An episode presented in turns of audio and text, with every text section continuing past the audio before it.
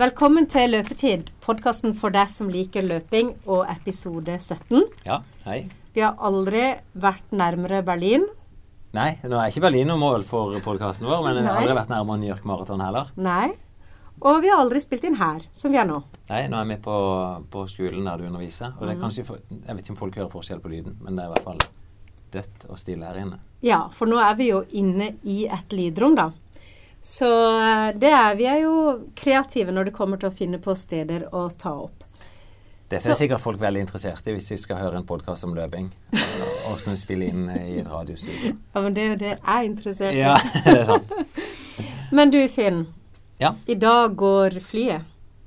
Ja, nå stiller du som om dette er en stor happening som vi er på vei mot, men for meg så, Berlin Marathon er viktig for meg, det er det. Mm. Eh, Jeg reiser i ettermiddag og skal springe maraton. Nå er det fredag, da. Jeg reiser, skal springe maraton på søndag. Mm. Ja, jeg trodde jo aldri at dette egentlig skulle verken interessere meg eller engasjere meg. Er det derfor ja, du er interessert sjøl? Ja, Ja. jeg er interessert i å se om du klarer for det å slå rekorden din, da. For det er jo Ja, det du skal. ja, sånn. Ja. Det, ja, mitt mål har jo vært det Jeg tenkte jeg skal klare ny pers, som vi kaller det. Det er to timer og 35 minutter. Og så er det Det er jo noen foran meg på lista der som jeg har litt lyst til å ta. Mm. Og da er drømmemålet mitt Jeg pleier ofte å sette to mål. da. Et sånn realistisk, det jeg jobber mot, og så et drømmemål. Som liksom, hvis alt fungerer, så er det det jeg vil ta. Ja. Og det er 2.33. Og det er Jan Påstand, NRK-kommentatoren, han sprang et fantastisk Berlin Marathon for to år siden, eller tre år siden kanskje. Mm. Eh, og den tida er liksom det jeg sikter mot. Det er det jeg kommer til å legge opp farta til. Ja. Og Berlin er jo, som jeg har skjønt, det maratonet hvor det hvor flest folk perser, er det det? Ja, det er, no, det er der verdensrekorden er satt. Ja. Eh, løypa er veldig flat. Eh, det er liksom breie veier. Det, det er ingen krappe svinger. Eh, så vidt det er duvinger liksom, i terrenget. Og så pleier temperaturen å funke veldig fint. Det pleier å være lite vind der. Mm. Også veldig mange toppløpere. Så for min del, når jeg springer ca. i den farta der, så vil jeg oppleve at det er folk rundt meg hele tida. Så hvis jeg sakker farta, så kommer det løpere forbi. Og hvis jeg øker farta, så vil jeg oppleve å ta igjen løpere. Mm. Og du har jo, sett på Instagram at du har pakka klart. Ja, så det. Så alt er pakka klart. Men det var jo med litt humor. Eh, Ja. eh, for det, det er jo ikke mye du trenger for å reise til et maraton. Så er det joggesko og strømpe, en splittshorts, det er viktig. mm. T-skjorte, litt vaselin, og så kommer jeg til å springe kanskje med en caps. Mm, Og litt teip. Og to Ja, det var ikke teip, det var to plaster. Ja. Så altså bare Det var i hvert fall det jeg hadde hjemme. Mm. Så jeg kommer til å plastre niplene, som etter hvert er blitt et viktig tema for det. Med fem jenter så er det kanskje noe sånn My Little Pony-plaster, Jeg har ikke sett på det, faktisk. Det kan bli gøy. Det er gøy. ingen som ser det. Nei, og eh, det er sånn jeg pakker i hvert fall. Da, det er det viktigste for meg på den turen. Jeg må vite at konkurransetøyet er på plass. Og det, det legger jeg ut og ser at ok, dette er det jeg skal springe. Og så begynner jeg å tenke ett hakk ut. Hva skal jeg varme opp i? Så det har jeg med meg det òg. Jeg har en lang bukse og en overtrekks. Og en bøff, for det er ofte litt kaldt på morgenen. Mm. Eh, og så tenker jeg òg åssen er det etterløpet? Eh, da må jeg ha noe ekstra, for hvis jeg varmer litt opp, så, og det er litt blaut, så er det kjedelig å komme i mål og så sitte i noe blautøy etterpå. Ja.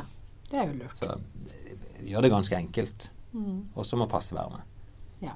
Alt jeg gjorde klart i går. Så tenkte jeg å pakke resten i dag, og det glemte jeg. Så når jeg var hjemme nå nettopp og henta bagen og hadde veldig dårlig tid, så fikk jeg ikke pakka med noe annet. Så da er det vel det jeg har med meg, det er treningstøy foreløpig. Jaha, så hvis du skal ut og spise på kvelden, så kommer du i joggedress? liksom? Nei, det gjør jeg ikke. Men foreløpig så har jeg med meg det jeg har på meg. Og så må jeg kanskje kjøpe ei eller annen skjorte, da. Mm, og ei underbukse, kanskje. Ja. Det, Ja, men eh, Nei, du er jo alltid i farta, og det er utrolig gøy å høre. Men kroppen din, åssen føles den nå rett før? det er veldig tvil. Sånn um, Det har vært tungt denne uka her. Um, jeg kan jo ta litt sånn som jeg har tenkt inn mot dette løpet. Da. Vi har hatt litt om det før, men prøv noe nytt i år med at jeg skulle ha en ti uh, kilometer i Oslo Maraton som er all out. Åtte dager før blir det jo, for det var på lørdag, og så er det en Berlin Maraton på søndag. Så da måtte jeg slippe opp litt i forkant av det, sånn at eh, jeg skulle være lett. Og det Jeg har jo løpt ganske mye, og for de som har forhold til kilometer, så har jeg vært oppe i så mellom 14, 15, 16 mil ganske jevnt. Så to uker før så gikk jeg ned til ca. 12 mil, var det vel? 11-12 mil. Med en konkurranse på slutten. Og jeg, når jeg sprang den konkurransen, så var jeg sliten. Sånn, jeg, jeg kjente på det at uh, jeg er ikke fresh. Men jeg visste jo at Eller trodde i hvert fall at den treningen jeg hadde gjort, den var god. Og det viste seg at det var. Mm. Vi tar etterpå. Mm. Så jeg sprang 10 km der. Og så når jeg kom hjem dagen etterpå, så gikk jeg faktisk en nesten tre timer i skauen. Det var litt tilfeldig, for det ble spurt om jeg var på en sånn tur. Um, og så var det løp på kvelden, og så intervall på mandag. Og så ble det kanskje litt mye. Så tirsdag, onsdag jeg bare jogga. Og det vil si? Um, da har jeg løpt uh, jeg tror det var 13 km på tirsdag, og så 16 km på onsdag. Og det, kjære lyttere, er bare jogge. Ja, men da springer jeg rolig. Det som jeg oppfatter som rolig. Og det er jo mindre. Altså i snitt da så har jeg jo løpt eh, 20-25 km om dagen. Mens sånn at 16 og 13 km er mindre. Ja, ja, det, det, skal gjøre meg lettere. Men så i går så ville jeg ha liksom den siste, kall det stimulien, da, i litt fart. Så da sprang jeg først en rolig tur på morgenen. Eh, angrer litt på det, men det var mer sånn praktisk. Da jeg skulle kjøre en til flyplassen, så vi sprang mot hverandre og møttes. Så kjørte jeg han til flyplassen. Mm. Og så på kvelden så sprang jeg eh, intervall med klubben. Bare sånn lett intervalløkt. Eh, for de som er spesielt interessert her òg, så var det 15 drag på 45 sekunder. Med ja. 15 sekunder jogg imellom. Så jeg mm. bare sprang fortere og fortere. Ja. Sånn at det var tungt. Altså på slutten så ter jeg ordentlig i, men det er tre dager til løp. Mm. Så nå tar jeg fri da, og så jogger jeg kanskje 30 minutter i Berlin i morgen. Mm. Og så når jeg sender på og det er to døgn til nå, da, mm. så håper jeg at beina er freshe og kroppen er klar. Mm. Er det noe annet du gjør før løp? Sånn som når du nå sant, Du tar fly, eh, du kommer til Berlin. Ja. Jeg kan ta litt sånn plan vi, vi, reiser jo ned i kveld. Vi kommer til å Da er vi en gruppe mennesker som skal møtes. Jeg lagde en plan, sånn grov plan. Mm at det blir noe si, enklere er det pizza og øl i kveld. Mm. Eh, ikke for mye. Akkurat passelig. Og så i morgen så er det ut. Da springer vi bare en tur og kjenner litt. Og det, det er liksom da en skal kjenne etter vondtene mm. sine og prøve å, å, å, få det til å liksom være greit. Hente startnummer. Det er en sånn egen ritual, nærmest. Mm. Det er jo svære messer, dette med ja, det, det, er til og med sånn sikkerhetstiltak for å komme inn. Så du, må ha pass. Det er bare du som slipper inn. Så ingen skal jukse på dette. Mm. Eh, så får du båndet ditt, som er beviset på at du får starte dagen etterpå. Så det er mm. akkurat som et festivalbånd. Så henter du startnummeret, får deltaker-T-skjorte, og så tilbud om å kjøpe all verdens utstyr. Ja.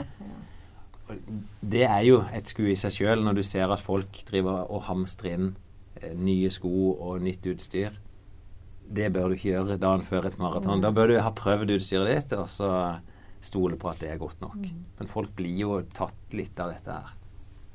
Hvor mange så, reiser til Berlin på dette? Nei, det er 40, 40 000, tror jeg, som er med der borte. Eh, fra, fra, fra, klubben vår da, så er vi rundt 15. Mm. Eh, fra Sørlandet så er det mange. Ja. Men skal jeg bare ta ferdig? Mm. Vi henter startnummeret, og så er det litt lunsj. Og så er vi ute på en felles middag. Og da Vi prøver jo å trekkes mot noe sånn enkle retter som noe pasta eller noe sånt. Mm. Typisk så møtes vi i seks-syv-tida dagen før og spiser. Ja. Ett eller to eller tre glass vin. Ikke noe mer. Ett eller to. Tre glass vin, da krabber jeg. ja. Da skal ikke du ha mer enn ett. Nei, også, og det er litt sånn Da sovner en greit. Eh, og så må en ikke legge seg for tidlig, for da blir en liggende og kikke i taket. Mm. Jeg deler jo rom med en annen løper som er ganske likt mål som meg, så for oss så blir det helt sikkert masse prat om dette mm. løpet dagen etterpå. Eh, for min del så er det ganske enkelt, for jeg, jeg vet hva jeg skal gjøre. Mm. Jeg skal springe på 3.37 på kilometeren fra kilometer nummer én til den siste kilometeren, så det er liksom ikke noe til slutt å diskutere. Um, det, det, er planen. Åh, jeg merker jeg får sommerfugler i magen. Jeg. Så er det løpsdagen så er det Prøv å være oppe litt tidlig. Jeg løper på om det er klokka ni. Jeg er ikke helt satt med ni eller halv ti. Men da er det typisk opp kanskje klokka syv. Og så spiser vi bare en lett frokost. Og da er det typisk à la noe bagette, noe ja, brødskive, noe sånt. Hvis de har noe havregrøt, så ter jeg det. Det pleier de ikke å ha. Og så egentlig det som funker til vanlig, da. Litt kaffe. Og så kanskje vi kikker ut av vinduet og rusler litt. Prøve å komme seg på do. Det er veldig ja. greit. Det er det- Vi snakka om det før. Veldig kjedelig å komme til en maratonstart og lure på om du må på do underveis. Det er veldig ålreit å ha fått gjort før. Og så er det bare å komme seg til start, levere inn tøyet, ned på startstreken. Og, og her er det jo 40 000 mennesker. Det er ganske spesielt i Berlin at de klarer å du, du, du kan komme til start bare fem minutter før, og så funker det. Du kan komme greit inn i køen din. Ja. Til helt forskjell fra New York. kan vi ta litt om når vi kommer i episode mot det. Men dette er de gode på. Ja, jeg har vært i Berlin mange ganger med elever og sånn, og de er veldig gode på å organisere store ting og få ting til å flyte. Ja. Eh, men eh, ja, og så er det bare å Du får, du får liksom dette her til å høres veldig greit ut, og veldig sånn senka skuldre og ja. Men er det et eller annet øyeblikk hvor, eh, hvor du begynner å tvile på om ting er riktig, om du har Ja, ja. glemt noe? Nei, jeg tror med å gjøre det som jeg fortalte om i stad, Mm. dette med pakkinga, at jeg, jeg tester ut høyet. Jeg vet at ok, sånn ser det ut. Da, da jeg, jeg fjerner liksom all tvil. Okay. Der jeg tviler nå, det er jo om det er noen ting som kommer til å ødelegge for meg underveis. Eh, Men det kan jeg ikke gjøre noe med. Nei. Jeg vet nå at jeg kan springe i den farta som jeg skal, relativt uproblematisk. Men så vet jeg at det kan dukke opp vondt vondte. Jeg har jo snakka litt om dette vondtene under føttene. Mm. Det er sånn Det gruer jeg meg til hvis det skjer. Men jeg er forberedt på det. Mm. Da er det på et vis bare å lukke øynene og, og prøve å forskyve den smerten. Og så er det andre så er veldig i tvil om jeg har hatt nok turer i høy fart. Mm. Um, ikke sant? Jeg kan springe fort ganske kort, og jeg kan springe lenge, det vet jeg. Så vet jeg bare med meg sjøl at jeg er kanskje litt manko på de der eh, lange, hurtige turene i maratonfart. Mm. Men det finner jeg ut. det, og det finner jeg ikke ut før kanskje etter 30-35 km. Nei, det blir veldig spennende i hvert fall. Så da på søndag skjer det. Eh, Det er jo ett løp av mange. Så det, ja, men du er jo enig om at det er, det, dette her er jo noe du har tenkt på en stund. Ja, det, det har vært driveren for meg. Det, det er jo sånn at jeg setter meg hå veldig hårete mål. Og jeg er jo litt sånn, jeg går ut med målene òg, for det tvinger meg litt sånn til å, å faktisk klare det. Så vet jo jeg hva det betyr. Ok, skal jeg springe på 2.33, da, så er det 3.37 på kilometeren. Altså jeg må opp i Da begynner vel å nærme seg 17 km i timen. Eh, da, da vet jeg hva jeg må gjøre av trening, og jeg må, vet hva jeg må gjøre av vekt. Der har det òg svikta litt. altså. Jeg er ikke blitt så lett som jeg hadde håpet. Nei, det er jeg veldig glad for. ja. Det får vi ta seinere. Men du, ja. ja. Men så er det sånn, sant, når du sier at dette blir så viktig, så er jo sånn Jeg deltar på veldig mange løp. Så Mm. når jeg sprang løp i helga, så ja, det var òg viktig. Mm. Men for meg så blir det er ingen løp som blir sånn superviktig. Sånn, Nei. jeg gleder meg, ikke sant. Jeg gruer meg litt. Men det, det, livet mitt faller ikke på dette, altså. Nei, Jeg, men det er jeg skal ha det gøy. Og det er Ja. liksom, sånn mantra jeg prøver å få inn, at eh, uansett åssen det går, når vi møtes etterpå, så skal vi kunne smile og ha det gøy og glede oss over hverandre, de som er lykkes. Og så de som ikke lykkes, er det nye sjanser, altså. Mm. Ja, men det er veldig godt å høre.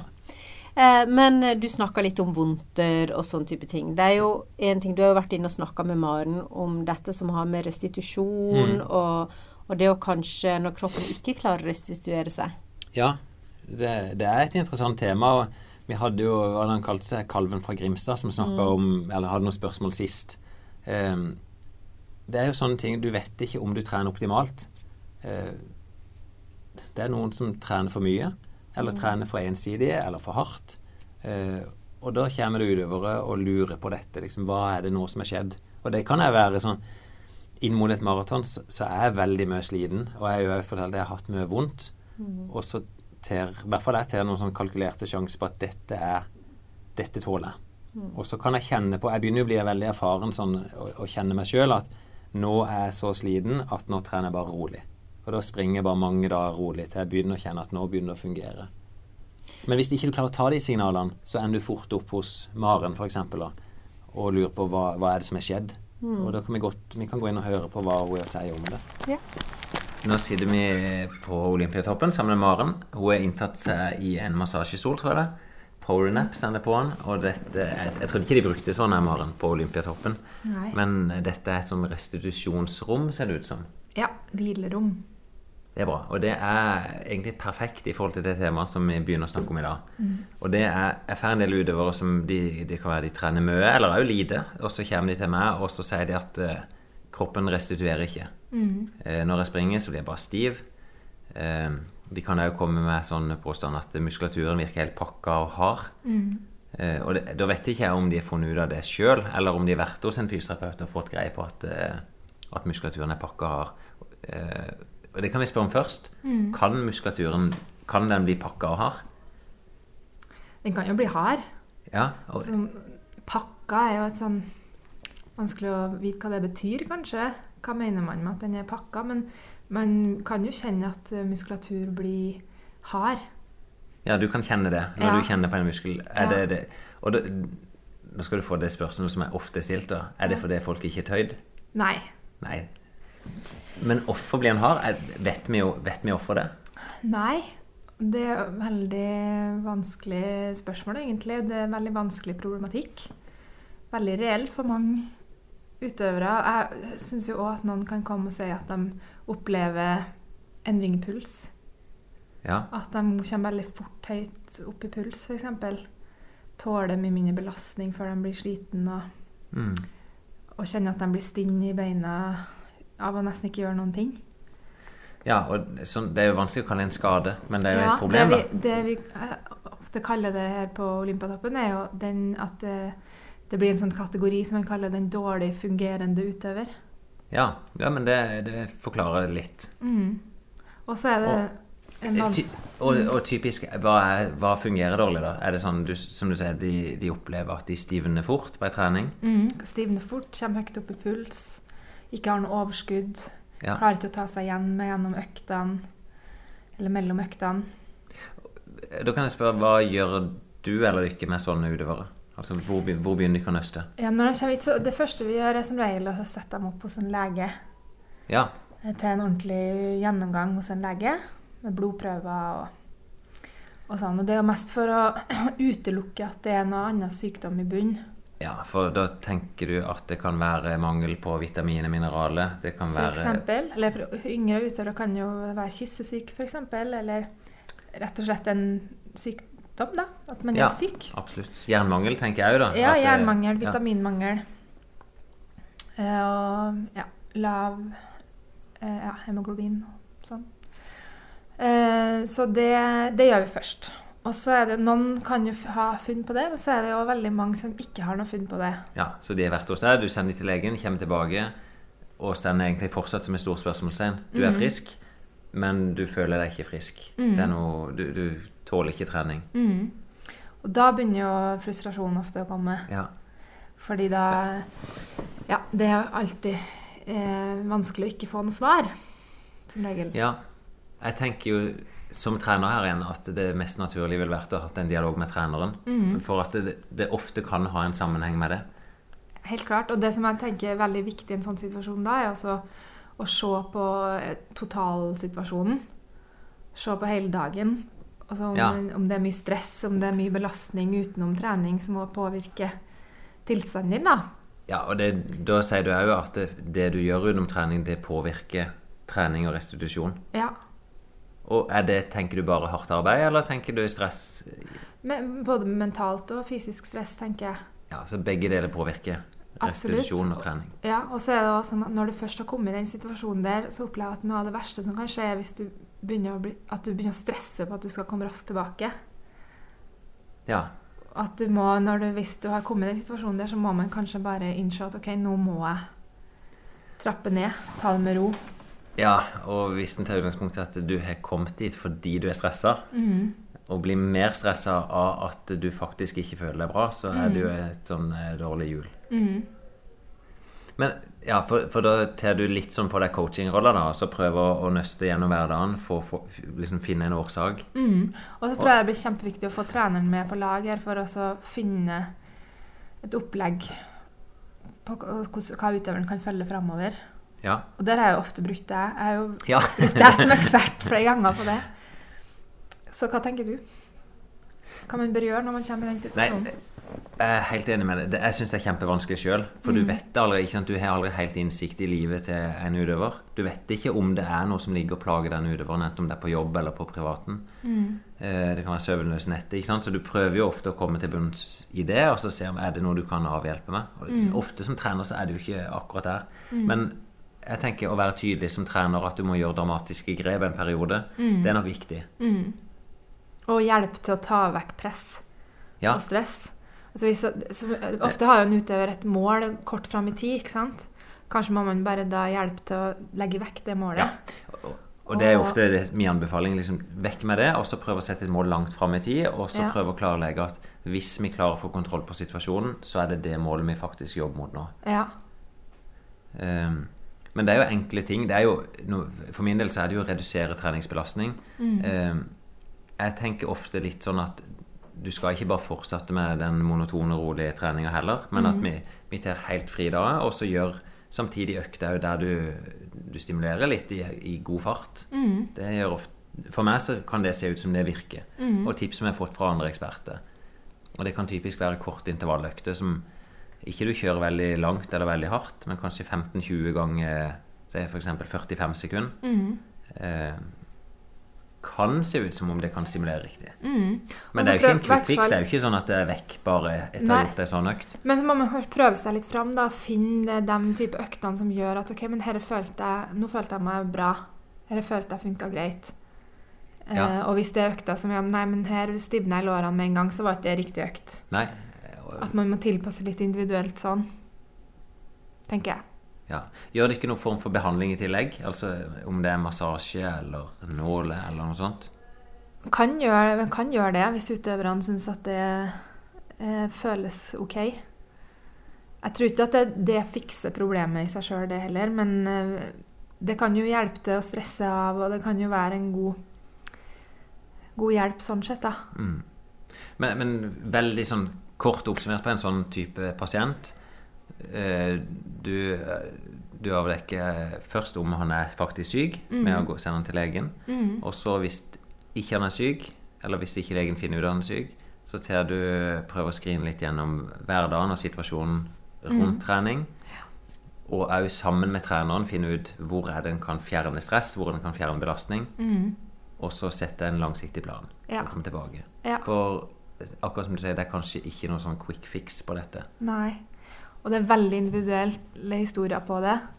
Noen har brukt et par måneder og vært borti, og noen som har brukt et par år. Ja. Sånn at det er veldig forskjellig. Ja, og så kan jeg si noen er jo mer sånn at de kjenner etter Ja. nærmest dag for dag, og Ja. kan komme med en sånn diagnose nesten etter to dager med stivne lår. Ja, ja. Så, Da er det veldig enkelt å bare ta to dager fri, og så er en ofte tilbake igjen. Ja. Så kan det jo bli en sånn vond sirkel òg. Man går og kjenner og kjenner og kjenner. Ja. Og, Og så det- forsterker det det du kjenner. På en måte. ja, sier du da at du kan òg overtale utøveren til å prøve å ikke kjenne så godt etter, men faktisk Ja, bare te ja, prøv å teste litt eh, etter hvert. Ja. ja. En litt sånn vag, diffus uh, sak å ordne opp i, men det er jo diffus. Dette er Mm. ikke noe, ikke sant? Du kan ikke påvise en skade, du kan ikke se hva det er. Uh, og da er det god dialog med utøver og trener som er nøkkelen. Men du, Finn. Ja. Lørdagen. Ja, lørdag som var. Ja, det, det var en eh, for meg helt fantastisk dag. Mm. Ja, en av, det en av de løpene der jeg er blitt stolt av meg sjøl. Det er noen sånne løp der du, du er jobba Jeg hadde satt et mål da på 32,59, og, og for meg har det liksom vært å bare gå ut med det og repetere det. Og selv den dagen jeg skulle løpe, så spurte folk meg hva er målet. Og da jeg tvinger meg sjøl bare til å si det. Det er 32,59. Og så ligger det en sånn tvil bak i hodet. Og når jeg da klarte det, så er det fantastisk gøy.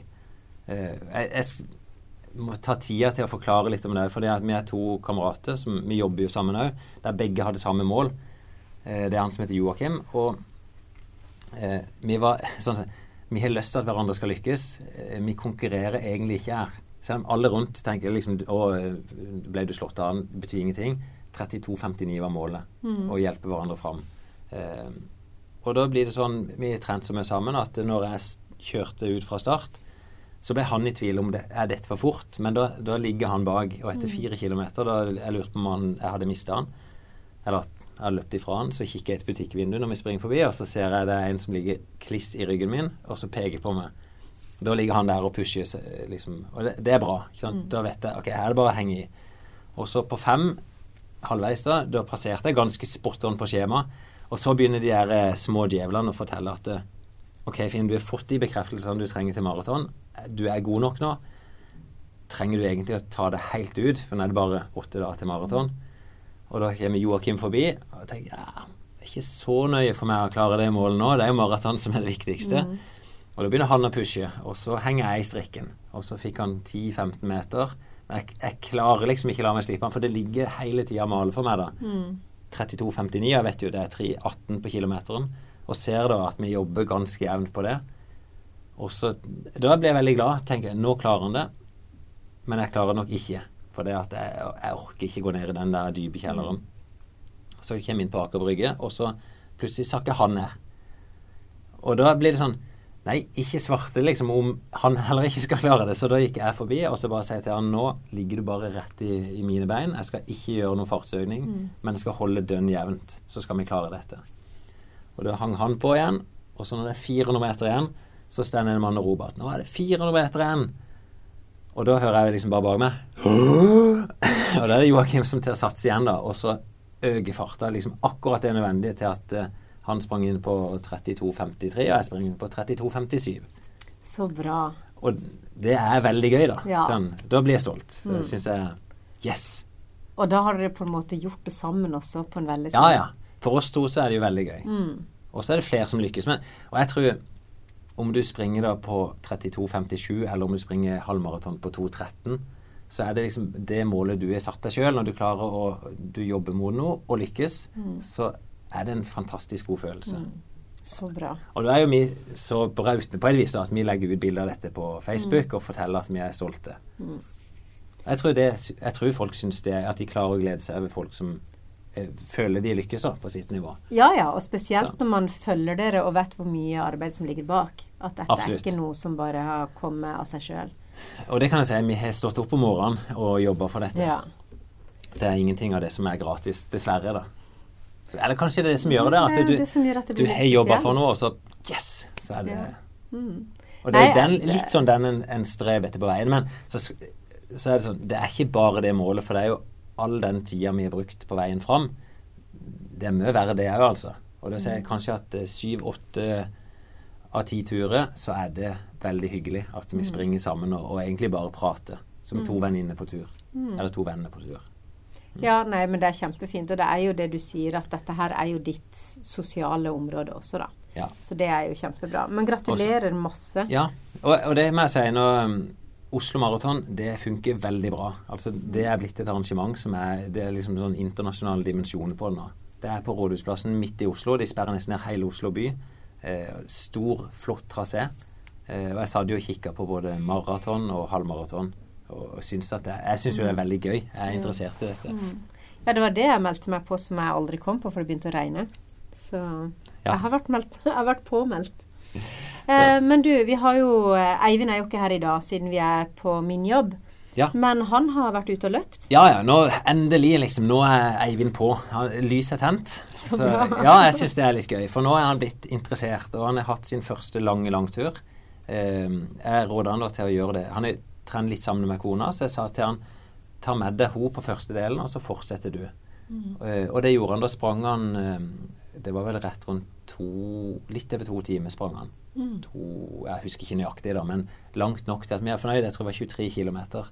Og kom på jobben dagen etterpå, veldig stolt veldig fornøyd, og han hadde ikke noe vondt. Det var liksom det, det beste. Så han har liksom gått fra at ting har vært litt trasig og vondt og bekymra, til at altså, dette er gøy. Og nå kommer han i dag da og sier at eh, nå hadde han planlagt en ny langtur til helga. Mm. Men så sier jeg veldig bra, men nei. For det Ja, at, ja. Og det handler om restitusjon. At eh, hvis du legger de for tett i langturene, så er jeg redd at eh, han plutselig er skada. Eller overbelasta. Og da er det så Altså, jeg tror da den motivasjonen, den er din verste fiende òg. Hvis ikke du har noen som kan hjelpe og spare litt med deg. Så jeg har sagt han skal springe litt kortere, litt fortere denne helga. Så neste helg så prøver han å strekke den lange langturen. Så bra. Det er veldig gøy. Og det er noe med det òg, vi snakka om det før, det med motivasjon er veldig viktig, det òg. Sånn at hvis du har mange lange langturer på rad, så kan du miste litt lysten på løpet. Mm. Så den, jeg prøver liksom hele tida å stimulere det òg. Men Eivind er på god tur. Han har skjønt at det er maraton, og han har skjønt at han kommer til å klare det. Så nå, nå Eivind, lykke til. Han har fortsatt ikke hørt på forrige episode, det er sjek- avsjekka med han, så Så han vet ikke hva han skal få av oss. Men du, eh, jeg var jo nede på løpelabbet. ja. Og eh, spurte om bære Eller sånn Når du skal ha med deg ting på løpetur For jeg opplevde jo det da jeg var på sommerløp, at jeg må ta med meg lydopptakeren. Ja, det er, Og- det er ikke så vanlig. Nei. Jeg måtte liksom ha med meg ting. Og da hadde jo jeg bare en sånn derre vanlig ransel som hoppa. Og så liksom Ja. sånn Ting bare hadde liksom litt i ei lomme i jakka, og litt i sekken. Og da, da blir det liksom så klumpete. Ja, ja og det Jeg ble først veldig skeptisk, for det på konkurranse så må du aldri finne på normalt å ha med deg det du kaller bæreting eller sekk. Noen gjør det, og jeg så i Oslo òg. Folk springer med svære sånn camelbags, og de har med seg mat og drikke, og det ser ut som de skal ut på en ekspedisjon. Men, men det, på et sånt løp så er det ivaretatt. Du får mat og drikke underveis.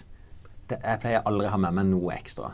Så liksom Ta utgangspunkt i at dette funker, Ja. og så dropp alt det der. Eh, Men når trenger man det, Nei, du? da vil jeg sagt på trening. Du, altså Typisk eh, fram og tilbake til jobb, eller du skal springe, også avhengig av å ta med deg tøy. Jeg, jeg syns det er veldig kjedelig å ha med meg ting sjøl. Jeg, jeg føler jeg springer så klumpete og blir litt sånn baggetung.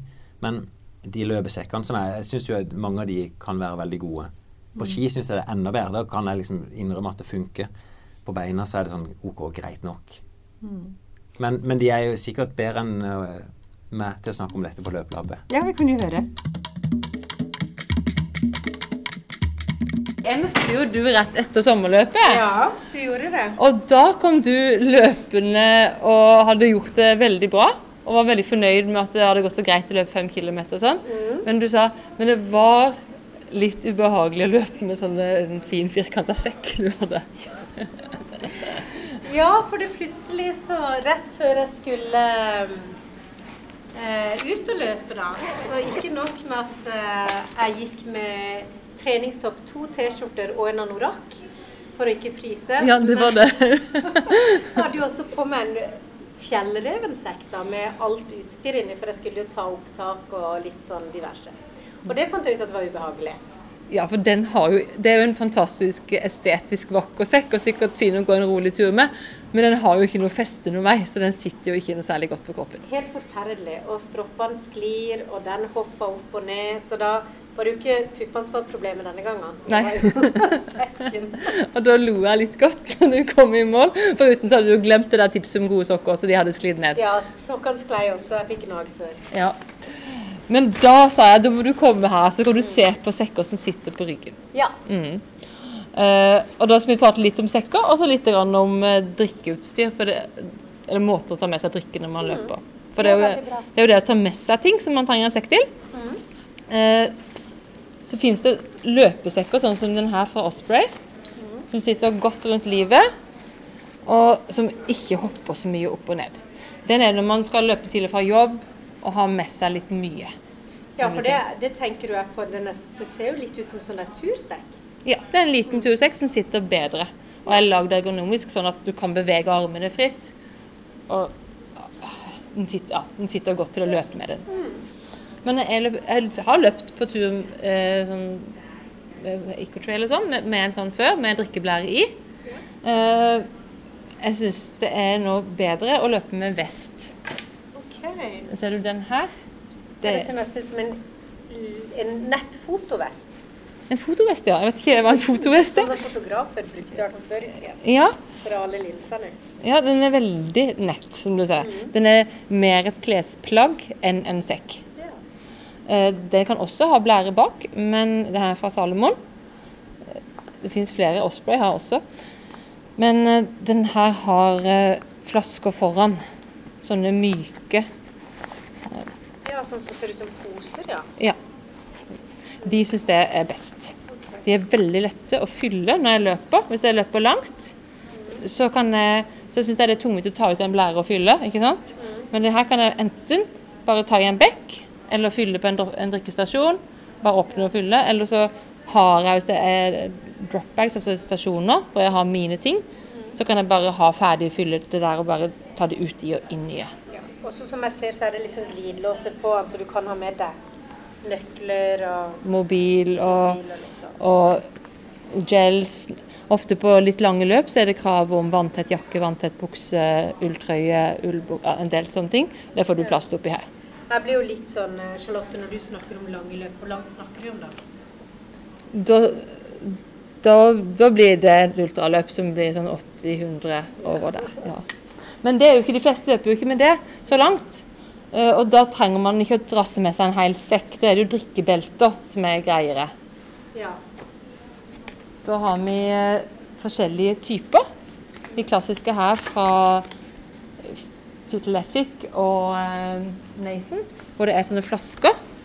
Som begge to har det prinsippet at det er harde flasker som man lett kan få ut og dytte inn igjen. ja. Det ser ut som et sånn, nesten det vi kalte før rumpetaske, Ja, med drikkeflasker på sida. ikke sant? Og så har de god plass til mobilen og få lett ut og inn. Og en nøkkelknippe. Og det er gjerne det man trenger på en vanlig tur. Ja. Eh, hvis man ikke, hvis man egentlig bare skal ha med seg bilen, mobilen, mener jeg, bilen er kanskje unødvendig, så er det den her flippbeltet som mange løper med for tida.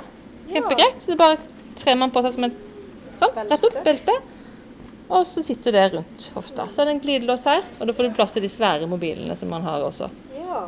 Det er jo kjempegreit. Hvis man vil ha litt å drikke, så kan man ha en sånn liten flaske oppi. Eh, hvor lang, altså, jeg har jo alltid behov for å ha med meg i hvert fall husnøkler og mobilen når jeg er ute på tur, og kanskje en lydopptaker. Mm. Men jeg tenker, hvor langt skal man eh, løpe før det blir nødvendig å ha med drikke? Det syns jeg er individuelt og avhengig av temperatur. Hvis det er varmt, så kan man jo kanskje trenge drikke på en time. Men personlig så har jeg ikke med meg drikke hvis jeg ikke løper mer enn to tim under to timer. Mens det er mer enn to. Nei. så det, men hvis du løper fort og gir mye intensitet, så trenger man jo mer drikke. Synes det. Og det er vel, løper intervaller noen ganger, så kan jeg ha med meg en drikkeflaske og ha liggende. Sånn som du sa, at- eller Finn sa det ikke du trengte. Det, hvis det er veldig varmt, så syns jeg det jeg trenger, jeg trenger det ikke, men det er veldig deilig da, å ha med seg. Jeg må jo innrømme, jeg syns det er veldig godt når jeg løper bare på mølle og har drikkeflasker der. Ja. Uten at han står der, i hvert fall. Og løper man i skauen om sommeren og er vekke, bare løper en times tid og skal gi litt fart, så er det kanskje greit å ha med seg en flaske med noe energidrikk eller litt for å gi litt påfyll. Det var jo kjempefine produkter, dette her. Ja, En sånn siste liten ting som ligger her, det er for de kuleste. Det er ikke helt. Det er sånn håndholdt flaske, ikke sant? Og det er veldig mange som løper enten en liten tur med det, mange også løper lange race med en sånn en. Så man være skikkelig kul, så stiller man opp et ultraløp bare med en sånn håndholdt flaske. Ja, det så nesten ut som en bandasje, syns jeg. da. Ja, så den sitter jo fast. Ja. Men uh, jeg, har ikke, jeg har ikke prøvd. jeg kommer ikke til å prøve heller. Hvis du faller på hendene, så spruter alt vannet ut, sikkert. Ja, Men de tror jeg de er så kule at de faller ikke. Å nei. Tror du ikke det? Det jeg fant ut da, etter at jeg var på løpelabbet, det var at jeg fikk plass til opptakeren i bare et lite belte. Ja, de har jo disse beltene. ja. Og det, det er faktisk, det kan jeg innrømme sjøl, det er mye bedre hvis du kan henge det rundt eh, hofta og Mm. livet, enn å måtte ha det helt, helt opp på ryggen. Så det skal jeg prøve da, når jeg skal ut og løpe. For Ja. vi sa jo egentlig sist gang at jeg skulle løpe som bakkeintervall, men det har vært litt hektisk denne uka. Ja. Så vi fikk ikke det til, så vi venter med det til Det kan du gjøre. Jeg, jeg, jeg, sier, jeg pleier jo ofte bare å ha ting i hendene. da. At jeg springer med Hvis jeg er med mobilen, så holder jeg den i hånda. Eller hvis jeg er med opptakeren eller drikke, så har jeg bare en drikkeflaske i hånda til hun er tom, og så hiver jeg henne i søppel. Ja, det hørtes kjempeubehagelig ut. Men Ja. da ville jeg heller hatt et sånt et belte. Men du, det Ja. er én ting som jeg har egentlig tenkt på å spørre deg om mange ganger, sånn helt sånn avslutningsvis, men så har jeg ikke turt, for jeg syns ikke det er noe gøy å snakke om. Ja, fortell. Men det er det som har med store løp og sikkerhet. Ja. Mm. Eh, for det skjedde jo i forhold til Boston eh, Marathon. Og så har jeg liksom tenkt eh, at eh, dere skal jo til New York, du skal til Berlin nå, det er mange folk. Ja, Eh, og så tenker jeg skal jeg spørre han om det, og ja så har jeg ikke det er jo relevant. Det, Ja. det er vel litt sånn der folk samles, der vil du alltid måtte stille det spørsmålet. Og Mm. jeg arrangerer jo sommerløpet, og jeg hadde en, en prat med politiet, for det var rett etter Mm.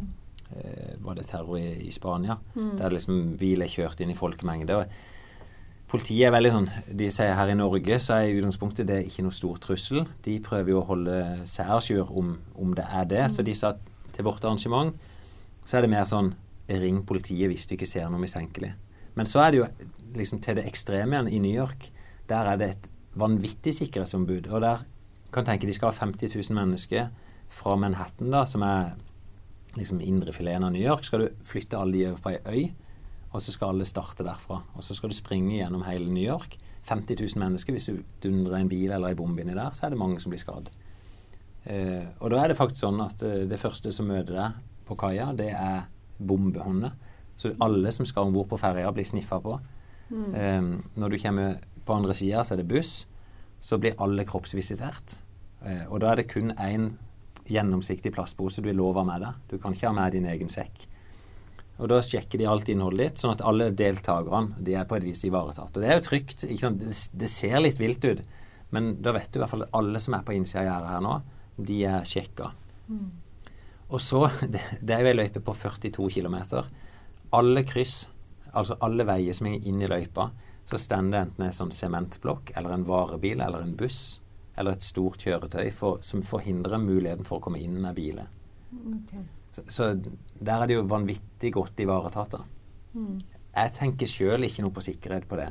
I Berlin så der ser jeg nesten ikke noe til det. Kanskje, Det fins nok, men de gjør det litt mer forsiktig, da. Men du som har på en måte militærutdannelse også ifra, liksom, fra tidligere og Ja. sånn.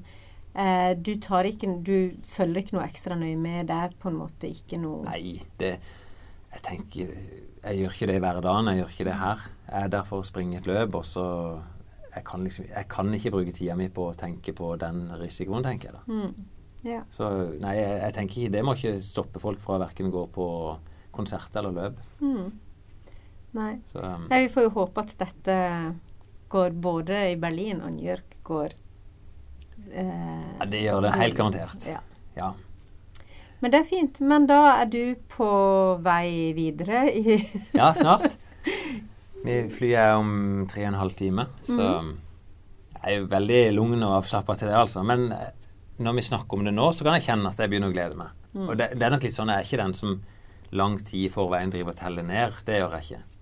Nei. Men jeg merker jo nå at eh, det blir gøy å sette kursen, og eh, jeg vet at det blir veldig gøy å stå på startstreken. For det, jeg skriver, i, I siste Runners World så skriver jeg litt om det. Den opplevelsen av å stå på egentlig, Prosessen fra du forlater hotellet på morgenen, og du vet at jobben er gjort, og du ser tusenvis av mennesker, de er på vei mot det samme som deg. Um, det er utrolig mye rare lukter, og Mm. veldig mye rare inntrykk. Altså, folk kler seg i veldig mye rart. I fullt alvor. De messer mye rart. Du kan komme til New York, det er to plussgrader vind, og så kommer noen i altså splitshorts og singlet fire timer før start. Ja. Og da kan du humre litt. Mm. Og så stues du jo sammen og til slutt blir stående på startstreken. Eh, du ser elitefeltet, bare masse afrikanere normalt helt foran. Og veldig mye lukt. Eh, mange som de, Jeg vet ikke, for de lukter utrolig svette før start. Eh, noen fiser. Og det er, det er, sånn, drøyt, syns jeg. Du står stua sammen. Det, det skjedde i Oslo nå. Vi og Joakim sto på siden av hverandre. Og så kjenner du bare at her er det noen som virkelig gjør fra seg. Og så liksom det du, du raser ut, og så er det den usikkerheten i starten på om springer jeg fort nok, springer jeg for sakte, springer jeg for fort. Du vet ikke det før du begynner å få bekreftelsene. Og så begynner ting på et vis å, å falle på plass. Ja, altså akkurat den der i begynnelsen da, hvor alle dytter litt og knuffer, det der, Ja. som jeg syns er så utrolig ubehagelig. Og noen er jeg vil kalle det i panikk. da. De, de skyver folk vekk, og de, de skal på et vis forbi for enhver pris. Og da, der prøver jeg å være rolig. eh, Holde meg bare til min plan. Jeg tenker jeg skal ikke bruke kreftene på å, å hoppe rundt. Mm. Eh, da, da ligger jeg bare i køen, og så siger jeg rundt og velger gode veivalg. Og så tenker jeg ok, det sparer krefter nå, det får jeg ha med meg til seinere. Mm. Så jeg regner nok ofte da de første to kilometerne for min del på et maraton, så regner jeg at det taper noen små sekunder. Ja. Men det gjelder jo egentlig litt likt for alle. Ja. Så det er jo egentlig Det, ja, det, det gjør det. Men det, det som er rart, syns jeg, det er at mange på et ganske dårlig nivå velger å stille seg nesten helt foran. Mm. liksom, de er livredde for å, å tape noe. Jeg tror de tar mer på det, for det at de, de ender opp med å springe så hardt ut at de sprekker. Og så blir det fiasko til slutt. Og så blir du jo løpt fra så mange. Ja. Jeg, jeg liker faktisk å stille meg litt lenger bak og så sige gjennom feltet etter hvert som løpet. Ja. Og det kan jeg, det, Vi har ikke snakka så mye om det, men et maraton er langt. Eh, og jeg klarer ikke å være inne i bobla fra start til mål. Jeg må liksom se litt ut. Jeg prøver å kikke på publikum, og jeg, jeg bruker publikum litt. At jeg, jeg ter noen high fives, jeg ter og fly litt. Eh, hvis jeg ser det er stor ansamling, og de Det er liksom å gi litt tilbake til de, da får du ti ganger så mye tilbake sjøl. Så um, det, jeg oppfordrer folk til det. skal liv ut mot publikum. Og da er det gøy å være publikum, og dette er bra. Ja. Så bra. Nok om det. Lov å publisere et bilde da når du er ferdig. Ja, det skal Jeg skal ikke mase om hva alt du skal gjøre før, men etterpå så må du publisere et bilde. Det blir sikkert moro. Ja. Og så får vi krysse fingrene for at det er gått så bra som jeg håper. Ja, det skal vi virkelig. Lykke til. Tusen takk.